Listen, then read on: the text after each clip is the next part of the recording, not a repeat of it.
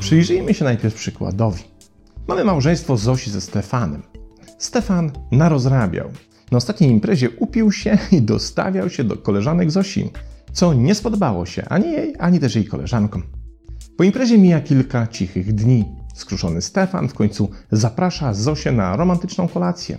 Jest urokliwa restauracyjka i wykwintne dania i dyskretna muzyka w tle. Stefan jest szarmancki i romantyczny.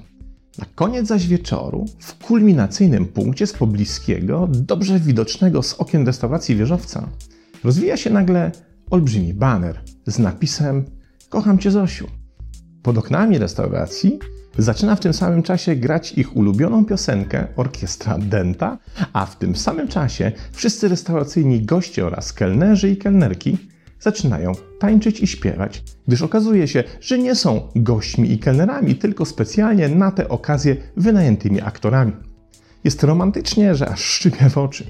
Zosia rzuca się w objęcia Stefana, a wszyscy naokoło wycierają łzy wzruszenia. Czyn Stefana, który miał miejsce przed tygodniem, zostaje Stefanowi wybaczony, ponieważ ilość energii i zapału, które włożył w przygotowanie przeprosin, stają się dla Zosi zadośćuczynieniem. Możemy uznać więc, co Stefan przyjmuje ze sporą dozą ulgi, że to, co do tej pory działo się w jego kontekście, w głowie Zosi, zostało unieważnione. W miejsce nawalonego Stefana, obmacującego koleżanki, pojawił się nowy Stefan, romantyk, gotowy do publicznej ekspozycji swojego oddania. Z grubsza moglibyśmy powiedzieć: OK, życie toczy się dalej, nic się przecież nie stało. Jednak rzeczywistość jest odrobinę inna, bo oprócz zażenowania i wściekłości Zosi, powstałych na skutek tych Stefanowych obmacywanek, powstał jeszcze pewien mechanizm, który ma i będzie miał swoje żelazne konsekwencje. Tym mechanizmem jest system niejawnych ocen, które, jak wynika z badań, w naszych związkach i relacjach tworzymy nieustannie we własnych głowach. Oceny, które wówczas wydajemy partnerowi czy partnerce, są naszymi prywatnymi osądami, warunkującymi nie tylko to, za kogo partnera czy partnerkę uważamy, ale przede wszystkim to, czego naszym zdaniem po przeciwnej stronie możemy się spodziewać. W ten sposób w naszej głowie powstaje rodzaj tajnej mapy, do której dostęp mamy wyłącznie my sami, bo akurat tą mapą nie chcemy się z nikim dzielić. Ta mapa to rodzaj obrazu naszego partnera, który powstaje w naszej głowie i który akurat w modelu transpersonalnym nazywamy awatarem. Do systemu transpersonalnego rozumienia naszych interakcji w relacjach, opartego na geometrycznej figurze nazywanej heksagonem relacji, jeszcze kiedyś wrócę w szerszym omówieniu. Tym razem jednak pozostańmy przy pierwszym awatarze, czyli obrazie czy też wyobrażeniu relacyjnego partnera czy partnerki powstałym w naszej głowie.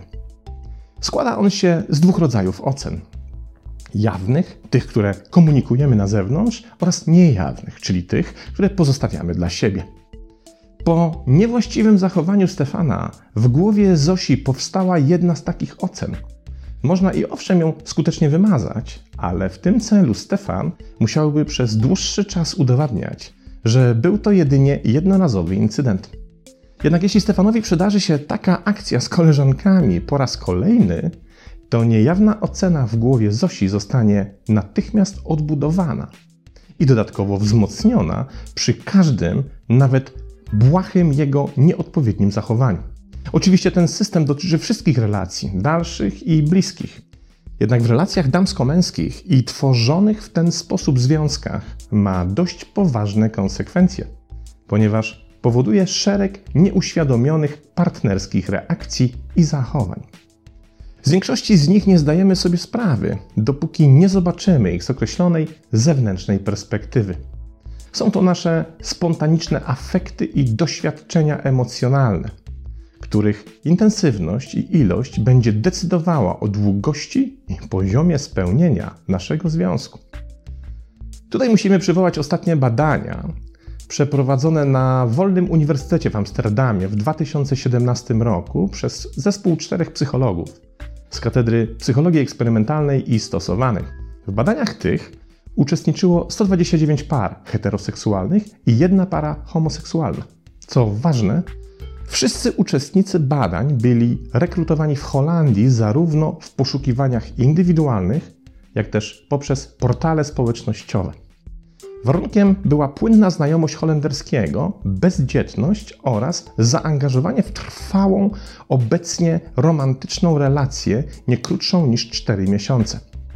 Tylko kilka par stanowiły małżeństwa, a średnia trwania związków wynosiła mniej więcej 32 miesiące, zaś średni wiek par oscylował pomiędzy 18 a 43 rokiem życia.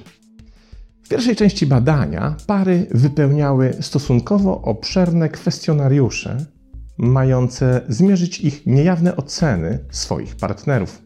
Następnie aranżowano spotkanie danej pary w osobnym pokoju, w którym mieli za zadanie odbyć szczerą rozmowę, w której należało wyjaśnić pomiędzy sobą rozbieżności w niejawnych ocenach siebie nawzajem wynikające z wypełnionych wcześniej kwestionariuszy.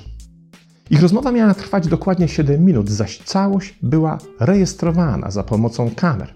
Następnie do pracy przystąpiło sześciu przeszkolonych egzaminatorów. Troje z nich nie znało w ogóle języka holenderskiego.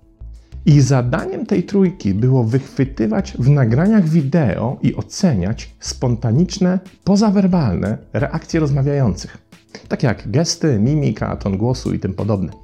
Pozostali egzaminatorzy, ci, którzy znali język holenderski, mieli za zadanie ocenić spójność zachowań niewerbalnych z jednocześnie wysyłanymi komunikatami werbalnymi.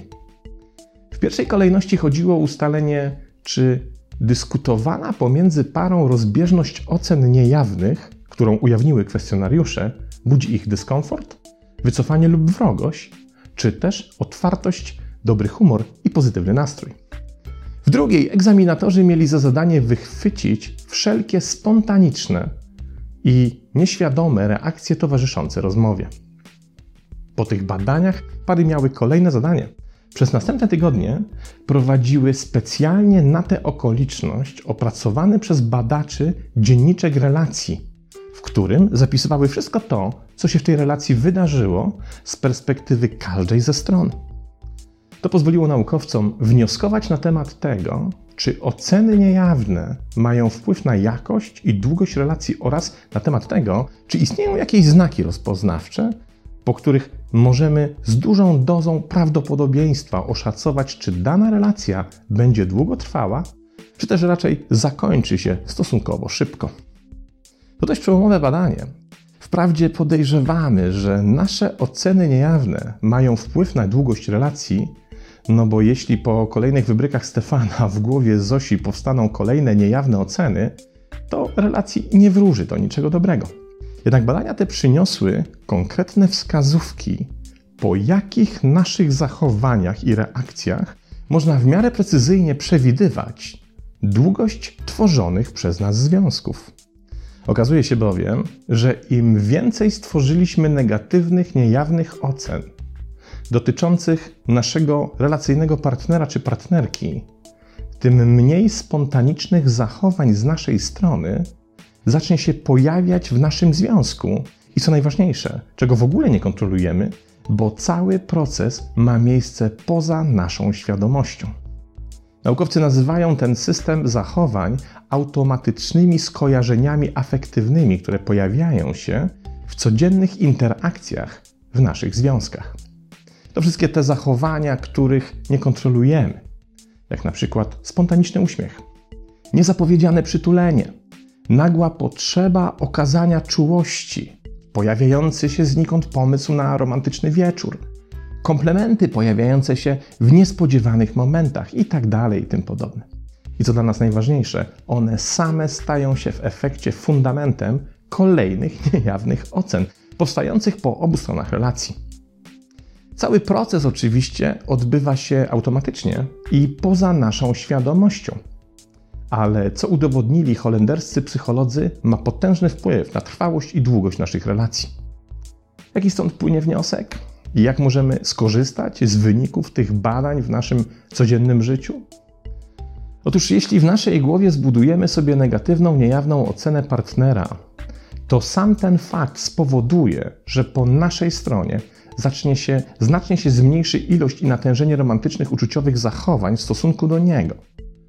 Kiedy tak się stanie, na tej podstawie on z kolei stworzy swój własny system niejawnych negatywnych ocen, wskutek których jego spontaniczne, romantyczne zachowania będą występowały również coraz rzadziej i w coraz to mniejszym natężeniu, na co z kolei zareaguje nasz system niejawnych ocen. Nim się zorientujemy, w efekcie jakość naszego związku zacznie się pogarszać, a my będziemy wyłącznie zachodzili w głowę. Jak to możliwe? Bo przecież na początku było tak fajnie, a teraz już przestało między nami iskrzyć. Nie zdajemy sobie jednak sprawy z tego, że w procesie wygaszania relacyjnego iskrzenia sami uczestniczymy, bo ten mechanizm zawsze działa w dwie strony. Jednak kiedy tego nie wiemy, jesteśmy skłonni winą za utratę związkowej namiętności obarczać wyłącznie drugą stronę. To oczywiście z naszej perspektywy wydaje się wygodne i logiczne, bo skoro cały proces spontanicznych zachowań odbywa się poza naszą kontrolą i świadomością, to nie dostrzegamy ich wygaszenia po naszej własnej stronie. Jaka stąd płynie nauka? Otóż nasz związek nie musi wytracać romantycznej energii. Możemy uwrażliwić się na ten system i zacząć obserwować spontaniczne zachowania naszej partnerki czy też partnera. I kiedy zaobserwujemy zmniejszenie ich natężenia czy ilości, przyjrzeć się samym sobie i uczciwie odpowiedzieć sobie na pytanie, czy po naszej stronie, aby nie powinniśmy odnotować również zmiany w tym względzie?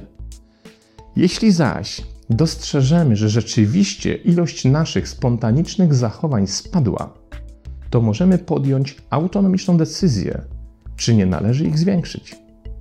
Niestety nasze spontaniczne zachowania widać tylko z perspektywy czasowej.